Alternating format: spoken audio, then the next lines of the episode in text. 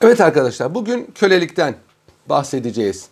Kölelik aslında şahsın hukukunun ve ehliyetin bir bahsi.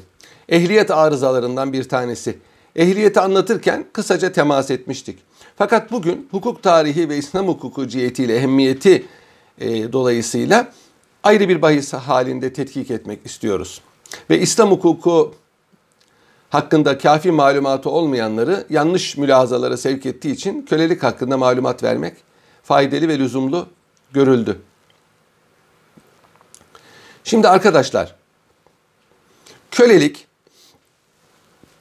bir insanın başka bir insana hizmet etmesi manasına geliyor. Ancak buradaki hizmet daimi bir hizmettir ve bu hizmet eden kişinin normal hizmetkarlardan, ücretli hizmetkarlardan veya gönüllü hizmetkarlardan farklı bir hukuki statüsü vardır. Öyle ki mal olarak alınır ve satılır. Aristo köleyi canlı bir meta, bir mal olarak vasıflandırır. İnsanlık tarihinin en eski müessesesidir arkadaşlar. Güçlünün güçsüze, galibin mağluba hükmet, hükmetmesinden doğmuştur.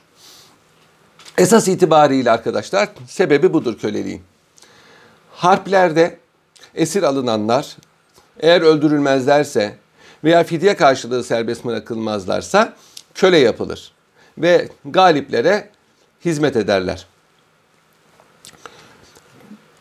Antik çağda ve orta çağda yani İslam hukukundan na muasır ve ondan önceki bütün hukuk sistemlerinde kölelik vardır arkadaşlar.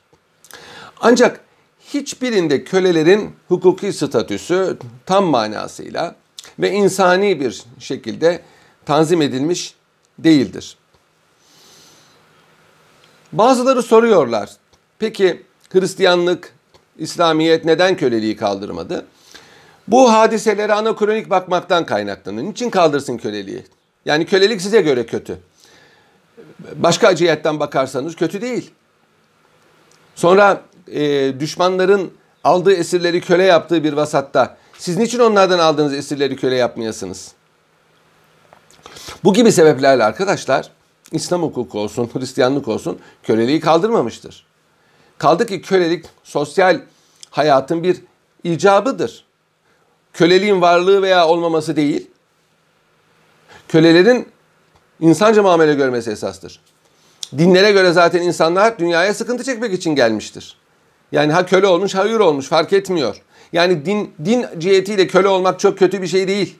Yeter ki hakları verilmiş olsun.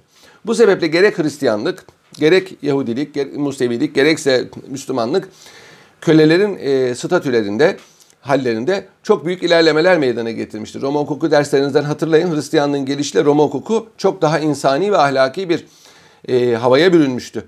İşte e, bunun en mühim unsurlarından bir tanesi de kölelerin statüsünde yapılan değişikliklerdi. Şimdi arkadaşlar eski e, cemiyetlerin her birinde kölelik için farklı sebepler derpiş edilmiştir, öngörülmüştür. Bunların başında harp esirliği geliyor. Bunun dışında mesela borç köleliği var. İbranilerde var bu. Borç için bir adam köle oluyor. Kumarda kaybediyor, köle oluyor. Veya bir baba çocuğunu köle olarak satıyor. Veya bir kimse kendisini köle olarak satıyor. Bu Roma'da mümkündü. Bir kimsenin çocuğunu veya kendisini köle olarak satması mümkündü. Binaenaleyh köleliğin çok çeşitli sebepleri var. İslamiyet bu sebebi bire indirmiştir. O da savaş esirliğidir. Şimdi kölelik hakkında e, menfi kanaatleri olanlar, yani müspet kanaat olacak bir şey değil elbette ama yani e, gerçek üstü, e, gerçeğin dışında fikir sahibi olanlar, mütalaa sahibi olanlar hep e, Amerika'da ve Avrupa'daki köleleri, biraz Amerika'daki kölelerin hallerini bildikleri için konuşuyorlar. Gerek Amerika'da gerek Güney Amerika'da e, bilhassa zenci asıllı kölelerin kırbaç altında her türlü insani haktan mahrum olarak çalıştığını ve pek çoğunun öldüğünü ve Avrupalıların e, Afrika'dan senelerce gemilerle hür insanları Amerika'ya götürüp köle olarak çalıştırdıklarını biliyoruz. Kaldı ki Garp telakkisinde beyaz olmayan insanlar köle olmakla e, mükelleftirler. Yani onların kaderinde köle olmak vardır. Bunu da mukaddes kitapta bir e, Hazreti Nuh'un e, babasına isyan eden oğluna dayandırırlar. babasına isyan ettiği için rengi beyazdan siyaha dönmüştür. Bu sebeple diğerlerine hizmet etmekle mükellef kılınmıştır. Böyle bir e, meşruluk temeli de e, kendilerine getirmişlerdir ve bu sebeple beyaz olmayanları bilhassa zencileri, siyahileri yıllarca köle olarak kullanmışlardır. Yani bir Avrupalının telakkisinde siyah bir insan zaten geri bir insandır. E, her türlü evsaftan mahrumdur, insani evsaftan mahrumdur. O halde beyazlara hizmet etmekten başka bir vazifesi olamaz. Böylece o da yaşama imkanı bulur. Gerçi eski filozoflarda da bu var. Eski filozoflar köleliği izah ederken derler ki Hiçbirisi mesela onların çok insani esaslara dayandıkları halde kölelik için mesela işte negatif düşünmezler ve derler ki insanlar arasında e, fiziki eşitsizlik olduğu gibi manevi ve ruhi e, zihni eşitsizlik de var. Bazı topluluklar zihni bakımdan geridirler, ilerleyemezler, yüksek bir medeniyet kuramazlar ve hep mahrumiyet, sıkıntı içinde yaşarlar. İptidai, primitif bir hayat yaşarlar.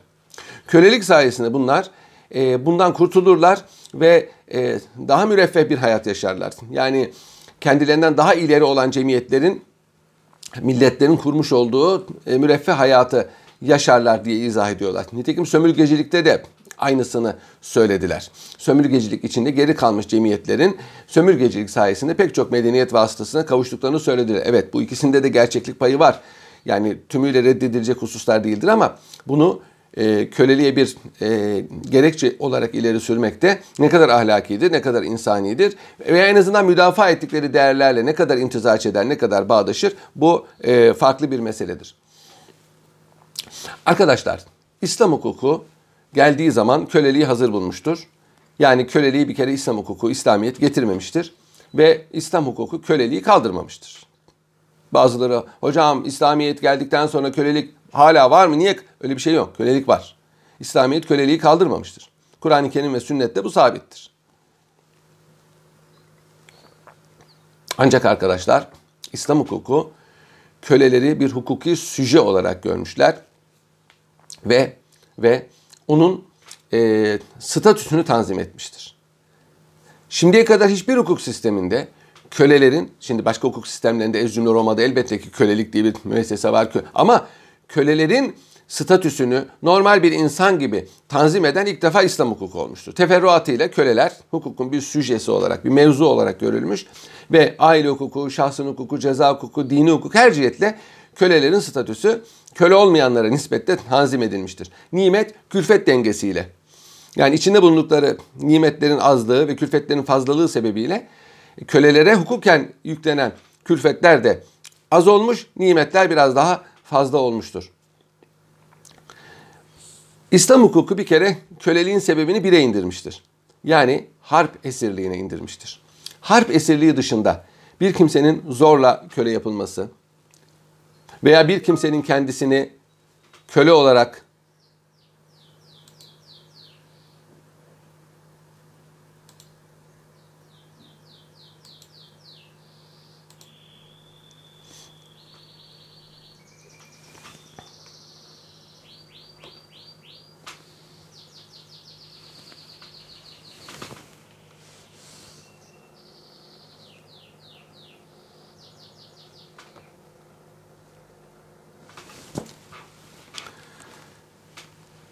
İslam hukuku köleliğin sebebini bire indirmiştir. O da harp esirliğidir arkadaşlar. Binaenaleyh İslamiyet bir kimsenin kendisini Roma'da olduğu gibi köle olarak satmasını veya bir kimsenin çocuğunu yine Roma'da ve başka antik e, cemiyetlerde olduğu gibi köle olarak satmasına yasaklamıştır. Borç sebebiyle, kumar sebebiyle veya işlediği bir suç sebebiyle köleliği de kaldırmıştır. Demek ki İslam hukukunda köle sadece harp esirlerinden olur. Peki bu iş nasıl cereyan eder? Daha önce anlatmıştım harp hukukunda. Şöyle cereyan ediyor arkadaşlar. Şimdi savaşta İslam orduları galip geldiği zaman düşmanların malları menkul olsun, gayrimenkul olsun malları ve kendileri Müslümanlara ganimet oluyor. Yani burada artık gerek savaşanlar, gerek e, mallar, gerek gayrimenkul mallar hepsi ganimet oluyor. Bunların her birisi için ayrı hükümler var. Gayrimenkullerde e, halifenin opsiyonu var. İsterse bunu ganimet olarak sayar. Beşte birini devlete alır. Beşte dördünü gazilere dağıtır. Suriye'de ve Mısır'da olduğu gibi. Daha evvel. Mısır'ın fethinde ve Suriye'nin fethinde olduğu gibi. Veya veya tamamını eski sahiplerinin elinde bırakır. Onlardan vergi alır. Mekke'nin fethinde ve İstanbul'un fethinde olduğu gibi. Veya Irak'ın, İran'ın fethinde olduğu gibi tamamını devlete ait tutar. Yani Müslümanlara vakfeder ve halka kiralar. Ve Bediyen onun kirasını toplar. Ondan sonra zaten hep böyle olmuştur. Irak'ın fethinden sonra Osmanlılar da bu sistemi tatbik etmiştir. Gelelim menkul mallara. Menkul mallarda, menkul mallarda e, menkul malların beşte biri devlete aittir. Beşte dördü harbe bir fiil iştirak eden gazilere aittir. Gelelim esirlere. Esirler hakkında da opsiyonel bir muamele vardır. Halife dilerse hepsini öldürür. Dilerse fidye karşılığı veya esir mübadelesiyle serbest bırakır veya hepsini köle yapar. Şimdi esirlerin öldürülmesi çok da insani bir yol değil. Onun için e, pek de müracaat edilmemiştir. Fidye karşılığı serbest bırakmak çok istisnai hallerde olur. Çünkü düşman kuvvetlenmiş olur tekrar onların gitmesiyle. Ama esir mübadelesiyle e, e, bu esirlerin serbest bırakılması mümkündür. Bu çok rastlanan bir husus. En çok rastlanan hukuk köle yapılmasıdır arkadaşlar. Böylece yani bakın harp esirlerinin köle yapılmasının şöyle bir insani neticesi var. E, harp esirleri öldürülmüyor. Hayatta kalıyorlar. Köle yapacağını bildiği için harpteki insan zayiatı da az olur. Yani düşmanı öldürmektense esir almayı tercih ederler. Köle yapılması için, köle yapıldığı için bu böyledir. Köle yapılmasaydı öldürürlerdi. Onun için e, köleliğin böyle bir insani neticesi olmuştur. Esirler esir alınmadan önce Müslüman olmuşlarsa kölelikten kurtulamazlar, ölümden kurtulurlar. Ama esirler esir alınmadan önce teslim olmuşlarsa ölümden Müslüman olmuşlarsa köle yapılmaktan kurtulurlar. Ve tabii olarak arkadaşlar e, bu yol sayesinde harplerde çok sayıda esir alınmış. Bu esirler köleleştirilmiş. Aynı Roma'da vaktiyle olduğu gibi konsülün devrinde yani Cumhuriyet devrinde olduğu gibi e, İslam İmparatorluğu'nda da e, fetihlerin artması sebebiyle dört halife ve Emeviler zamanında ve Osmanlıların yükselme devrinde e, İslam beldeleri kölelerle dolmuştur ve köle çok ucuzlamıştır. Hemen herkesin köle istihdam etme imkanı olmuştur. Öyle zamanlar olmuştur ki na, nadir de olsa ümmette zenginlerin kölesi olur ama öyle zaman istisnai zamanlarda köle fiyatlarının çok düştüğü 50 kuruşa köle satılmış mesela 1 liranın yarısı. Tabi o 1 lira Osmanlı altınıdır. Şimdiki 1 lira değil. Köle satıldığı zamanlar olmuştur diyen tarihlerde geçiyor. Şimdi arkadaşlar bu e, esirlerin köle yapılmasının tabi e, şöyle bir faydası var. Diyelim ki savaş esirlerini öldürdüler. Bu gayri insani. E serbest bırakın. E serbest bırakırsanız o zaman harbin manası kalmıyor. Yani tekrar gidecekler size karşı silah çekip gelecekler. Tamam harp güzel bir şey değil. Harbi koyan İslamiyet de değil. İslam hukuku harbi değil sulhu över. İslam kelimesi zaten barış demektir. Kur'an-ı Kerim'de de iki yerde barış hayırlıdır. Yani düşmanla karşılaşmaktansa, savaşmaktansa barış hayırlıdır. Fakat savaş kaçınılmaz olduğu zaman insanın bazı değerlerini, canını, malını, ırzını, ve inancını korumak için savaşmak elbette ki meşru kılınmıştır. Bütün hukuk sistemlerinde de bu böyledir. Bunu kimse zaten münakaşa etmiyor. Burada mesele savaş esirlerindedir. Şimdi harp olduğu zaman savaş esiri olacaktır. Savaş esirini öldürmek bir türlü, serbest bırakmak bir türlü. O halde en ideal yol köleleştirme. Bir de zaten mütekabiliyet var. Yani karşı tarafta aldıklarını köle yapıyor. Sizin serbest bırakmanız bir şey ifade etmez. Nitekim 1856'da artık köleleştirme e, Paris Konferansı'nda ortadan kalkınca yani mütekabiliyet ortadan kalkınca Osmanlı Devleti de mesela esirleri köle yapmaktan vazgeçmiştir. Bu mütekabiliyet meselesidir. Şimdi savaş esirlerinin köle yapılmasının şöyle bir takım faydaları da var arkadaşlar. Bir kere e, Müslümanlar savaşla veya devlet idaresiyle meşgulken köleler çiftliklerde, evlerde hizmet etmektedirler. İstihsale, üretime e, katkıda bulunmaktadırlar. Böylece bir sosyal nizam hasıl olmaktadır.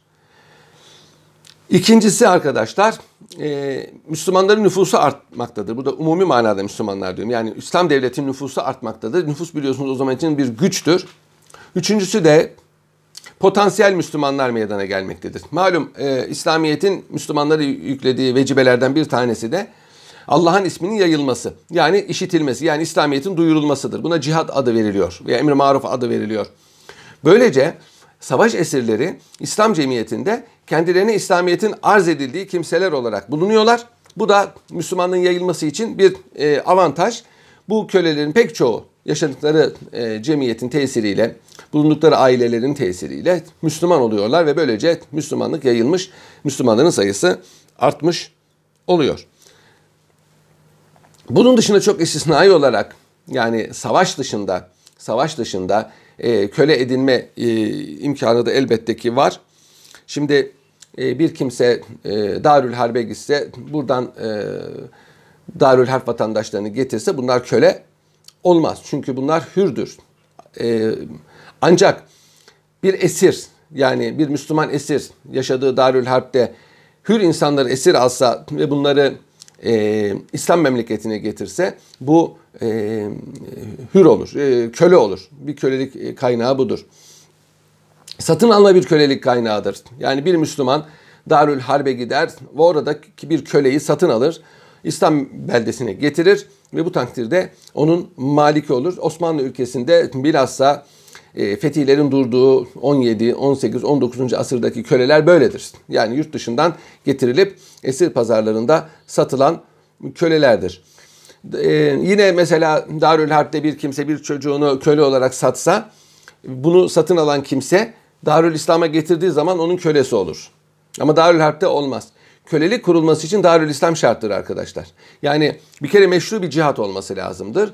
İki, halifenin taksimi lazımdır. Üç, Darül İslam lazımdır. Yani bir kere meşru bir cihat değilse, bugün zamanımızdaki harpler gibi ise burada alınan esirler köleleştirilemez. Bu bir. İkincisi, savaşta alınan esirler onu esir alanın olmaz. Halifeye ait olur. Yani daha doğrusu devlete ait olur. Ganimettir çünkü.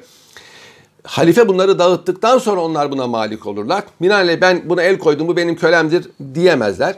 Üçüncüsü orada değil, Darül Harp'te değil, Darül İslam'da köle olur. Yani onu alıp Darül İslam'a getirdiği zaman onun kölesi olur. Demek ki kölelik kurmak o kadar kolay değil. Yani köleliği aslen köleliğin kurulması o kadar mümkün değildir. Binaenaleyh kaldırılması da mümkün değildir hukuken. Çünkü hukuken kurulmuş olan bir müessese artık mülkiyet hakkına girer, şahsın hakkına girer. Devletin köleliği kaldırmasıyla kölelik statüsü sona ermez.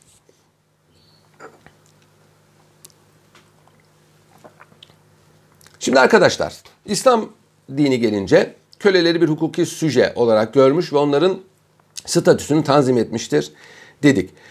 Kölenin insan olduğunu ve Allah huzurunda hürlerle eşit olduğunu ilk defa İslamiyet söylemiştir. Yani hukuken eşitsizlik olsa bile ki hukuken sadece köle, hürle köle değil pek çok eşitsizlikler vardır. Yani e, bu zaten hukukun maksadı eşitliği temin etmek değil, adaleti temin etmektir. Binaenaleyh köle ile hür Allah huzurunda eşittir. Kul olmak itibariyle.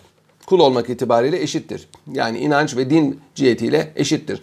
Hukuk olarak birbirinden farklıdır ama dediğim gibi bu adaletin tecellisidir. Yani e, bir kölenin hürden daha az haklara sahip olması eşitliğe aykırıdır ama adalete aykırı değildir. Çünkü hukuk ona o hakları vermektedir.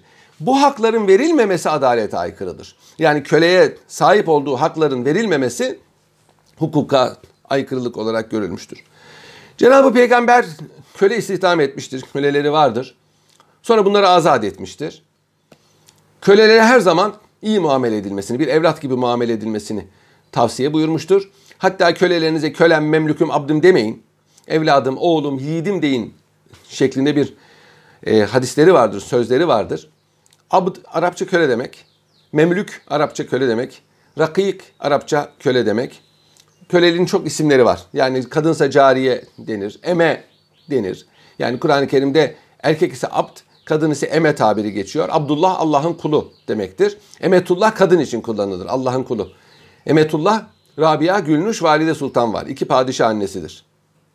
İstanbul'da yaptırdığı çok güzel bir cami ve onun avlusunda çok zarif bir e, türbesi vardır.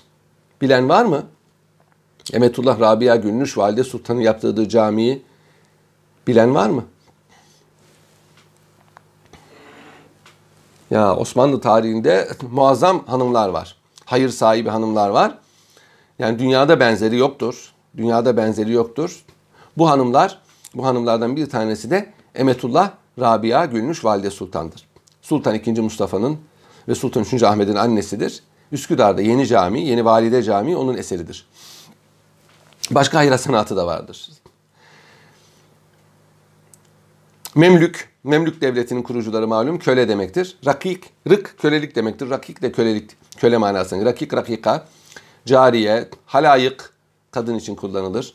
Bunların hepsi e, köleler için kullanılan tabirlerdir. Fakat Hazreti Peygamber kölelere e, ya abdi, ya memluki, ya ameti böyle çağırmayın diyor. Ya feta, ya fetati, ya fetateti yani ey oğlum, ey kızım böyle çağırın diyor. Yine Hazreti Peygamber buyuruyor ki cennete dilediği kapıdan girenler köleleriyle beraber yemek yiyenlerdir. Yani onlarla illa aynı sofrada oturmaları gerekmez. Onlara kendi yedirden yedir, yediren, kendi giydiğinden giydirenler cennetliklerdir. Bunlar tabi hukuki mükellefiyetler değildir ama İslam cemiyetinin damgasını vurmuştur. Bu sebeple İslam tarihinde her zaman köleler çok rahat bir hayat yaşamışlardır. Hem Hazreti Peygamber'in e, hayatı buna bir misaldir hem Kur'an ve sünnetin getirmiş olduğu hükümler bunu e, icap ettiriyor. Mesela Hazreti Peygamber'in bir kölesi vardı. Zeyd bin Harise. Kur'an-ı Kerim'de ismi geçen tek sahabi odur. Hazreti Peygamber onu evlat edinmişti. Hatta Zeyd bin Muhammed derlerdi ona. Halasının kızıyla evlendirmişti. Ona çok e, kıymet verirdi. Oğlum derdi yani. Hatta Zeyd'in anne ve babası vaktiyle Boğaz harplerinde esir düşmüş. Araya araya oğullarını buldular. Medine-i Münevvere'de Hazreti Peygamber dediler ki biz çocuğumuzu almaya geldik. Hazreti Peygamber dedi ki e, kendisi muhtardır ben para istemiyorum. Kendisi gidebilir. Fakat Zeyd Hazreti Peygamberle kalmayı tercih etti. Anne babasıyla gitmeyi tercih etmedi. Yani Hazreti Peygamber bu misali bir misa, e, numune. Hazreti Ömer e, Kudüs'ü fethetmiştir. Kudüsler demişlerdir ki biz Kudüs'ü savaşsız vereceğiz ama halifenin buraya gelmesi lazım. Emanname alacaklar ondan. Bunun üzerine Halife Ömer Medine Münevvere'den çıktı, devesine bindi. Yanında da kölesiyle beraber bir tane deve var. Zaten mütevazi bir hayat yaşardı Hazreti Ömer. Ya bir tek kölesi var. Onunla beraber deveyle Kudüs'e gittiler. Kudüs'e birkaç günlük yoldur yani. Fakat deveye nöbetleşe biniyorlardı. Biraz Hazreti Ömer biniyordu, biraz kölesi biniyordu. Kudüs'ün surları göründüğü zaman nöbet köledeydi. Köle inmek istedi, Hazreti Ömer kabul etmedi. Karşılamaya gelen İslam ordusu kumandanları aman efendim siz ne yapıyorsunuz dedi. Köle devedesiniz, yerdesiniz, millet ne zannedecek? Hazreti Ömer'in tarihi bir cevabı var. Dedi ki sizi duyanlar da İslamiyet'in deveye binmekte, üstünlüğün e, deveye binmekte olduğunu zannedecekler. İnna künna ezelle kavmin. Verfa'ane Allahu bil İslam. Biz adi zelil bir kavim idik. İslamiyet bizi aziz etti. Biz onun için fazla bir izzet aramıyoruz. Deveye binmekmiş, güzel elbiseler giymekmiş bize izzet vermez dedi Hazreti Ömer. Meymun bin Mihran adında tabi'in ulemasından bir zat vardır. Misafirlerine e, yemek vermiş. Köle içeriye git, yemek getirmiş. Ayağa takılmış hasıra ve yemeği olduğu gibi Meymun bin Mihran'ın üzerine dökmüş. Ulemadandır. Şöyle sert bir şekilde bakmış kölesine. Nasıl dökersin yani? Köle de arif bir e, kişi. Yani İslam cemiyetinde yaşıyor ama biraz bilgili demek ki. Bir Kur'an ayeti var. اَلَّذ۪ينَ يُنْفِكُونَ فِي السَّرَّاءِ وَالضَّرَّاءِ وَالْكَاظِم۪ينَ الْغَيْظِ Yoklukta ve zenginlikte ikram edenler var ya, onlar hiddetlerini yenerler. Kazım hiddetini yenen demektir. Kezemtü dedi. Tamam hiddetimi yendim dedi. Memnun Mihra bu ayet-i kerime okuyunca yani buna uy demeye getirdi köle. Ve lafînâ nas. İnsanları da affederler. Yani iyi insanlar övülürken zenginken ve darken yani zenginken ikram etmek herkesin harcıdır. Eli dardayken ikram etmek, yünfik, infak etmek yani insanları yedirmek, içirmek, ihtiyaçlarını karşılamak demek. Onlar övülüyor. Bir de kimler övülüyor? Hiddetini yenenler. Hiddetlenmek, gazap insanın elinde olmayan bir şeydir. Ama bunu yenmek lazımdır. Yani ne demek yenmek lazım? Kızdığı zaman hakaret etmemek, sövüp saymamak, e, akla, dine uygun olmayan bir iş yapmamak, Bu insanın harcıdır. İşte bu övülmüş. Üçüncüsü vel afin aninas. İnsanların yaptığı kusurlar insanlık itibariyle yaptığı kusurlardır. Her insan kusurludur. Siz de kusur işlersiniz. O zaman onları affedin ki sizi de affetsinler. Affeytü dedi. Tamam affettim seni dedi. Kölesini affetti. Vallahu yuhibbil muhsinin. Allah ihsan edenleri yani iyilik edenleri sever. Ayet-i kerime böyle bitiyor. Bunu okuyunca ataptu dedi. Seni azat ettim. Yani bir ayet-i kerimeyi okuyarak köle hem efendisinin hiddetini yendi hem affetmesini temin etti hem hürriyetini kazandı. Yani İslam cemiyetinde bu gibi e, hadiselerle doludur arkadaşlar. Bu sebeple İslam cemiyetinde o sizin e, Amerika'da iç savaştan önce veya Güney Amerika'daki filmlerde, romanlarda okuduğunuz kırbaç altında inleyen kölelere İslam cemiyetinde rastlanmıyor. Bir kere köle kim kim köle sahibi olabilir? Hali vakti yerinde olanlar. Dolayısıyla ya onun konağında, köşkünde, evinde ya çiftliğinde çalışır. Yani rahat bir hayat yaşar, gücü yettiği kadar çalışır. Efendisi kadar değilse bile ondan bir tık aşağıda bir hayat yaşar. Zaten o zamanki hayattan beklentiler de bu. Evlenir, çoluk çocuk sahibi olur. Buna engel yok. Ve azatlanma yolları da çok kolaydır. Bu sebeple diyor e, seyyahlar, bunlar seyyahlar anlatıyor. Yani İslam cemiyetinden gelen birisinin bunu anlatması belki subjektif, indiği olabilir. Fakat Osmanlı ülkesini ve İslam coğrafyasını gezen seyyahlar, bilhassa Osmanlı ülkesini gezen seyyahlar ki bunlar aslında subjektif oldukları halde Osmanlı'ya karşı e, peşin hükümlü oldukları halde en başta Osmanlı cemiyetindeki kölelerin vaziyetini fevkalade olduğunu söylüyor. Bütün seyyahlar bunu söylüyor. Elbette ki lokal e, hadiseler olabilir. Psikopat insanlar olabilir. Olmuyor mu? İnsan kendi karısını, çocuklarına eziyet ediyor. Kölesini etmez mi? Bırakın karısını, çocuklarını dibindeki insanlara eziyet ediyor. Gücü.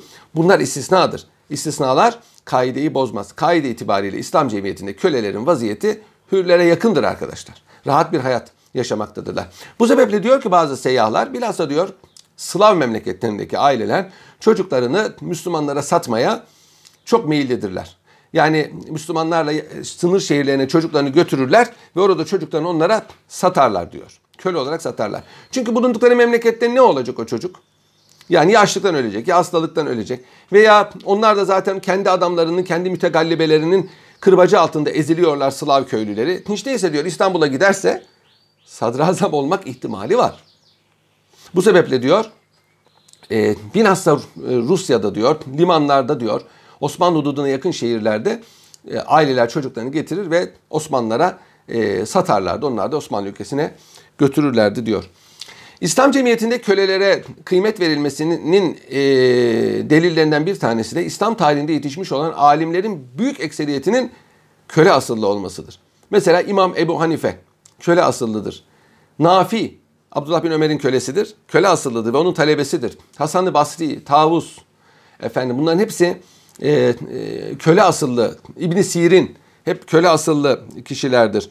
E, Said bin Cübeyr, efendim e, Mücahit bunların hepsi köle asıllı e, kişilerdir. E, e, Mekhul, Şam'ın fakihi köle asıllı kişilerdir. Efendim Ata bin Ebi Rebah köle asıllı kişilerdir. Hatta Davud-u Tayi diyor ki Nişabur'da geziyordum. Kıtlık zamanı diyor. Herkes kıtlıktan kırılıyor diyor. Pazarda diyor bir şeyler bulmak ümidiyle geziyordum. Baktım bir köle gayet neşeli bir şekilde gülüyor, söylüyor. Dedim herhalde deli. Yani insanların perişan halde olduğu bir e, devirde e, bu adam nasıl böyle neşelenebiliyor? Gidiyor diyor ki sen diyor e, hayırdır diyor bu neşen nereden geliyor? Diyor ki valla benim çok kerim bir yani iyi bir efendim vardır.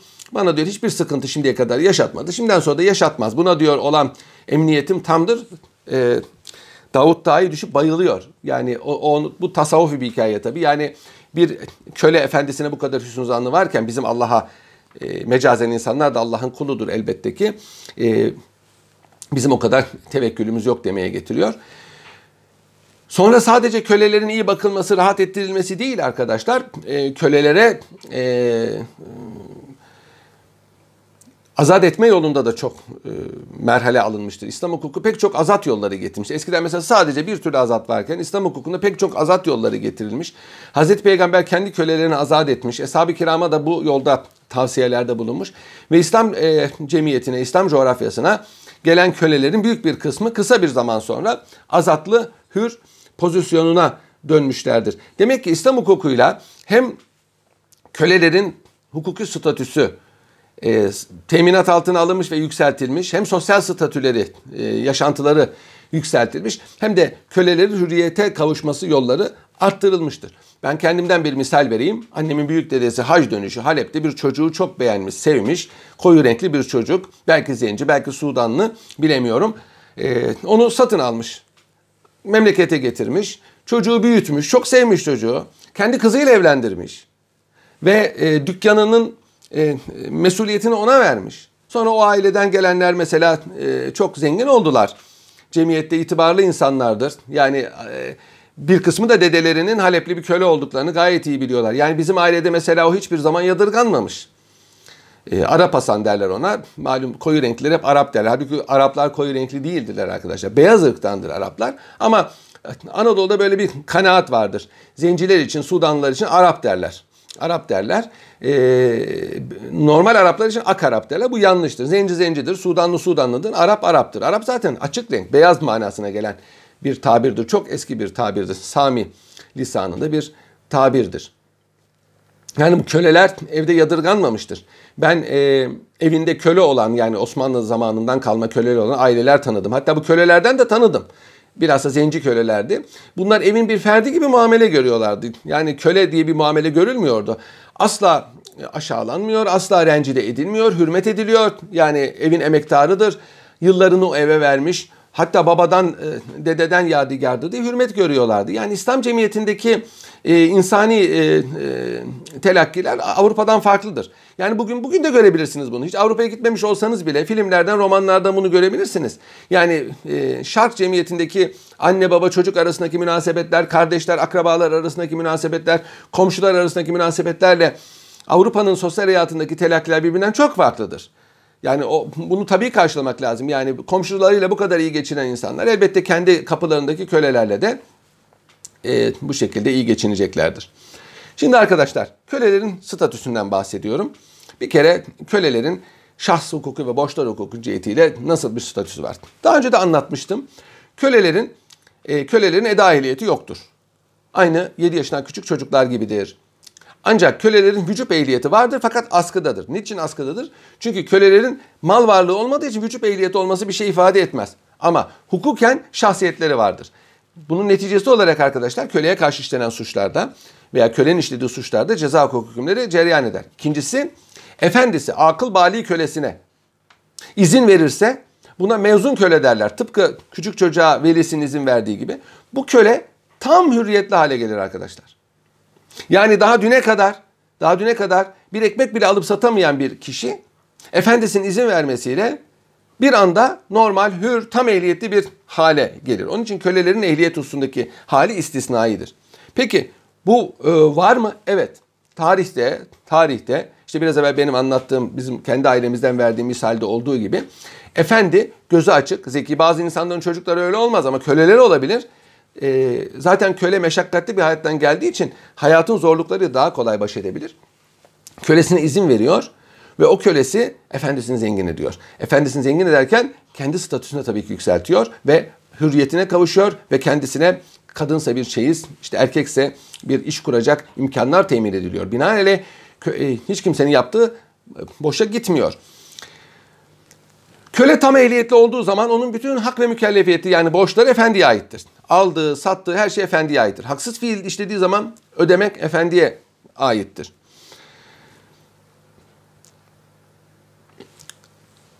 Efendi öldüğü zaman o köle varislere intikal eder. Mesela bir adamın kölesi olsa, bir oğlu bir kızı olsa o adam öldüğü zaman o köle o e, oğlanla kızın müşterek malı haline gelirler ve e, nöbetleşe hizmet ederler.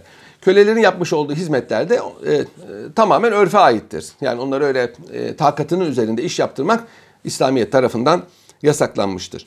Köle şahitlik yapamaz arkadaşlar. Kölenin şahitliği makbul değildir. Kur'an-ı Kerim bunu yasaklıyor. Ancak köleler e, çocuklara vasi olabilir. Efendi çocuklarına köleyi vasi yapabilir. Bunun çok misali vardır. Çünkü o zaman mezun oluyor. Köle vekil olabilir arkadaşlar. Bir kimse köleyi vekil yapabilir. Ancak köle imam olamaz ve hükümdar olamaz. Çünkü velayeti yoktur. İbadetlerde de hürlerden çok daha hafiftir. Mesela kölelere cuma namazı, bayram namazı farz değildir. Cemaate gitmek lazım değildir. Kurban kesmesi, zekat vermesi, hacca gitmesi beklenmez. köle örtülmekle mükellef değildir. Yani e, erkek olsun kadın olsun köle hürler gibi örtülmez. Mesela köle bir kadın başı açık, boynu, kolları, bacakları açık bir şekilde namaz kılabilir. Ama namazla mükelleftirler. Namaz kılacaklar, oruç tutacaklar. Bunun dışında hiçbir ibadette mükellef değildir. Yani nimet, külfet karşılığı e, görünüyor. Aile hukuku cihetiyle kölenin bambaşka bir statüsü var. Köle evlenebilir ancak efendisinin izin vermesi lazım. Neden efendisinin izni aranıyor? Çünkü nafaka doğar biliyorsunuz. Yani evlilikle nafaka ve mehir doğar. Bunu kölenin veremeyeceği için, köle veremeyeceği için efendisinin bunu izin vermesi lazım. Efendi eğer kölenin evlenmesine izin verirse mehir ve nafakayı da üzerine almış demektir. Kur'an-ı Kerim'de ben kihul eyama minkum ve salihin min ibadukum ve imaukum buyuruluyor. Aranızdaki bekarları evlendirin, buluğa ermiş olanları evlendirin. Bir de kız erkek kölelerinizi evlendirin. Ayet-i kerime insanlara, Müslümanlara kölelerini evlendirme mükellefiyeti yüklüyor. Köle efendisinin izniyle evlenebilir ama efendisinin izni olmadan boşanabilir. Neden? Çünkü bu boşanma efendiye bir mali külfet getirmemektedir. Bu sebeple efendisinin izniyle evlenebilir, efendisinin izni olmadan köle boşanabilir. Şimdi arkadaşlar kölelerin bir kere bir erkek göre iki, en fazla iki kadınla evlenebilir. Hür erkek dört kadınla evlenebilir. Böyle bir fark var. İki, o da tabii gene izinli efendisinin izniyle. Ve yine e, kocası ölen veya boşanan kadının iddeti de köle ise eğer hürlerin yarısı kadardır. Yarısı kadardır. İki ay beş gün bekler. Normalde ölüm iddeti dört ay on gündür hamile değilse. Köle ise kadın, zevce köle ise iki ay beş gün bekler. Yani hürün yarısı kadar bekler. Boşanma iddeti 3 hayız müddetidir. Köleler için 2 hayız müddetidir. Veya 2 aydır. Şimdi arkadaşlar, efendisi kendi cariyesiyle karı koca hayatı yaşayabilir. Bu çok kişinin bilmediği ve yanlış anladığı bir meseledir. Yani bir kere nikah kıymaya ihtiyaç yoktur. Mesela padişahların hanımları cariyedir. Hemen hemen padişahların çoğunun anneleri cariye asıllıdır. Köle asıllıdır. Bunlarla padişahın evlenmesine ihtiyaç yok. Bizim bir hocamız vardı. Hiçbir Osmanlı padişahı nikahlı kadın evlenmemiş diyerek kafa karıştırırdı. Halbuki nikaha ihtiyaç yok ki. Hür kadınla nikahlanır, başkasının cariyesiyle nikahlanır. Kendi cariyesiyle nikahlanmaya gerek yok. Çünkü mülk eşittir nikah. Tabi bir efendi her cariyesiyle de evlenmez. Yani o belli cariyesiyle evlenir. Ona müstefrişe derler. Odalık deniyor halk arasında. Bu kadın onun karısı sayılır. Ve bunda sınır da yoktur. Normalde bir erkek dört hür kadınla evlenebilir. Ama cariye için böyle bir sınır mevzu bahis değil. Kendi cariyesi ise. Böyle bir sınır mevzu bahis değil. Avrupa'dan yani Avrupa'daki kölelik hukukundan farklı olarak arkadaşlar Roma'dan farklı olarak İslam hukukunda efendinin kendi cariyesinden olan çocuğu hürdür. Halbuki Avrupa'da ve Amerika'da köledir. Ve bu kadının da statüsü değişir. Ümmü veret olur. Efendi öldüğü zaman azatlanır. Artık o normal bir köle gibi alınıp satılamaz. Statüsü değişir. Şimdi arkadaşlar, e, vaka Osmanlı tarihinde padişahlar aslı hür olabilir diye bu kadınlarla da nikah kıymışlar ama bunlarla nikah kıyılmasına ihtiyaç yok. Bazılarını bu da yanıltıyor. Nikah kıymış diyor. Demek ki hür kadın, hayır hür kadın değil cariye. İhtiyaten nikah kıyılıyor. Nikah kıyılması lazım değildir. Şimdi gelelim e, bunun dışındaki hallere. Bir efendi kendi iki kölesini evlendirirse birbiriyle. Mümkün. Zaten en çok rastlanan da budur, tavsiye edilen de budur. Doğacak çocuklar köle olurlar ve e, bu efendiye ait olurlar. İki kişi kendi kölelerini evlendirirse bunun çocuğu da köle olur. E, cariye yani kadın köle kime aitse o köle de o efendinindir. Mesela Ahmet ile Mehmet kölelerini evlendirirlerse cariyenin efendisi kimse çocuk da onun kölesi olur. Ama nesep gene sabit olur. Evlenen köleler, evlenen köleler artık efendisiyle karı koca hayatı yaşayamaz. Bu bir. İkincisi normal aile olmanın getirdiği bir takım hakları e, kazanırlar. Yani karı kocanın beraber olması, beraber yaşaması hakkını kazanırlar. Onun dışında erkek e, efendisine, kadın efendisine normal hizmetlerini, sosyal hizmetlerini yani gün normal yaptığı işleri yürütmeye devam eder. Hür bir adam köle bir kadınla evlenebilir. Mümkün. Parası yoktur, hür bir kadınla evlenemiyordur. Köle bir kadınla evlenir. Kur'an-ı Kerim'de buna izin verilmiştir. Bu takdirde arkadaşlar e, efendinin izni zaten lazım. Mehir efendiye aittir. Nafakayı özür dilerim mehir efendi alır. Nafakayı da e, bu kişi o köleye harcar. Doğacak çocuk köle olur ve efendiye aittir. Ancak eğer hür erkek evlenirken ben bu çocuğun hür olması şartıyla evleniyorum der de efendi de bunu kabul ederse o takdirde çocuk hür olarak dünyaya gelir. Umumiyetle köle kadınlarla yapılan evliliklerde bu şartın koşulduğunu görüyoruz. Yani hür adam ister mi çocuğu başkasının kölesi olsun? Bu şartı koşuyor ve bu şartın e, muaciyesinde doğacak çocuk hür oluyor arkadaşlar. Gelelim dördüncü e, usule. Şimdi arkadaşlar hür bir kadın kendi kölesiyle evlenebilir mi? Hayır evlenemez. Çünkü evin reisi erkektir. Köle ef- hanımına efendilik yapamayacağına göre hür bir kadın kendi kölesiyle evlenemez, karı koca hayatı da yaşayamaz. Yani bir hür erkek kendi cariyesiyle karı koca hayatı yaşayabilir ama hür bir kadın kendi e, kölesiyle, erkek kölesiyle karı koca hayatı yaşayamaz. Evlenebilir mi? Ancak köleyi azatlar, hür bir kişi olarak evlenebilir. Bunun misalleri çok nadir de olsa vardır. Daha ziyade hikayelerde, romanlarda geçer. Kölesine aşık olan kadının hikayesi. Köle bir kadın başkasına ait hür bir erkekle evlenebilir mi? Evet evlenebilir. Doğacak çocuk hür olur. Ancak bu evliliğe kadının velisi itiraz edebilir. Çünkü hür bir kadın kölenin dengi değildir.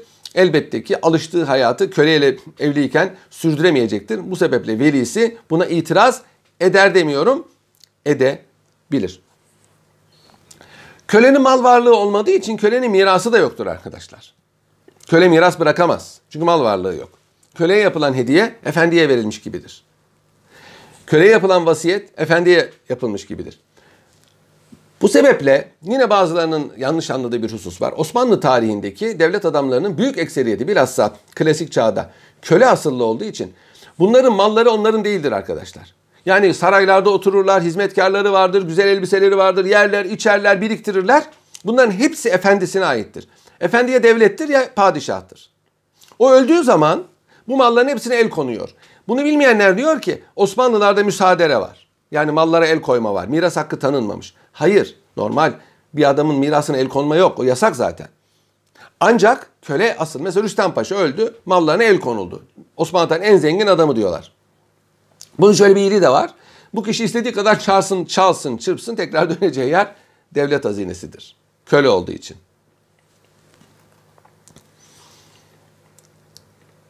Ceza hukuku cihetiyle de kölelerin apayrı bir statüsü var arkadaşlar. Bir kere köle bir had suçu işlemişse, bölünebiliyorsa yarısı verilir. Had suçu neydi? İslam ceza hukukunda e, bir takım suçlar var. Kur'an ve sünnetle sabit. Cezası da Kur'an ve sünnetle sabit. Bunlarda takdir hakkı yoktur. Yani hakim takdir edemez. Unsurları var, çok sıkı unsurları var. Bu unsurlar e, tahakkuk etmişse, gerçekleşmişse e, ceza verilir. Gerçekleşmemişse ceza verilmez. Düşer bu. Kanuni delil sistemi vardır. O deliller aranır. Bunlara had suçu deniyor. Nedir bunlar? Zina etmek, zina iftirası, hırsızlık, yol kesme, şarap içme. Beş tane. iki tane daha var. Devlete isyan ve mürtet olma. Yedi tane. Bu yedi tane had suçunda eğer e, köle bunları işlemişse bölünebiliyorsa yarısı verilir. Mesela e, bekarların zinasının cezası yüz değnektir. Bir köle zina ettiği zaman 50 değnek. Şarap içmenin cezası 80 sopadır. Köle şarap içerse 40 sopa verilir. Ama bölünemeyenlerde köle aynı cezayı alır. Ama e, bölünebilirlerde e, köle e, hürlerin yarısını alıyor. Mesela mürtedin cezası ölümdür. Kadınsa hapsedilmektir. Köle mürted olursa öldürülür. Erkekse, kadınsa hapsedilir. Onda çünkü bölünemez. Ölüm cezası bölünemez. Ama diğer cezalar bölünebilir. Cinayet suçlarında yani adam öldürme ve yaralama suçlarında bir kimse bir köleyi öldürürse veya yaralarsa hür bir kimseyi öldürmüş ve yaralanmış gibi muamele görür. Yani kasıt varsa, tahammüt varsa kısas edilir, değilse diyet öder. Ancak kölenin diyeti hürün diyetinden biraz farklılık gösterir. Orada kölenin kıymeti de diyette nazara alınıyor. Köle eğer bir hürü öldürürse yine aynı şekilde e, bir hür bir hürü öldürmüş gibi muamele görüyor. Köle ya kısas ediliyor ya diyet ödüyor. Burada da diyetinde kölenin kıymeti nazara alınıyor. Kölenin kıymeti kadar diyet ödenebiliyor. Efendinin tazir suçlarında yani bunun dışında kalan suçlara tazir suçları deniyor. Her çeşit e, suç olabilir.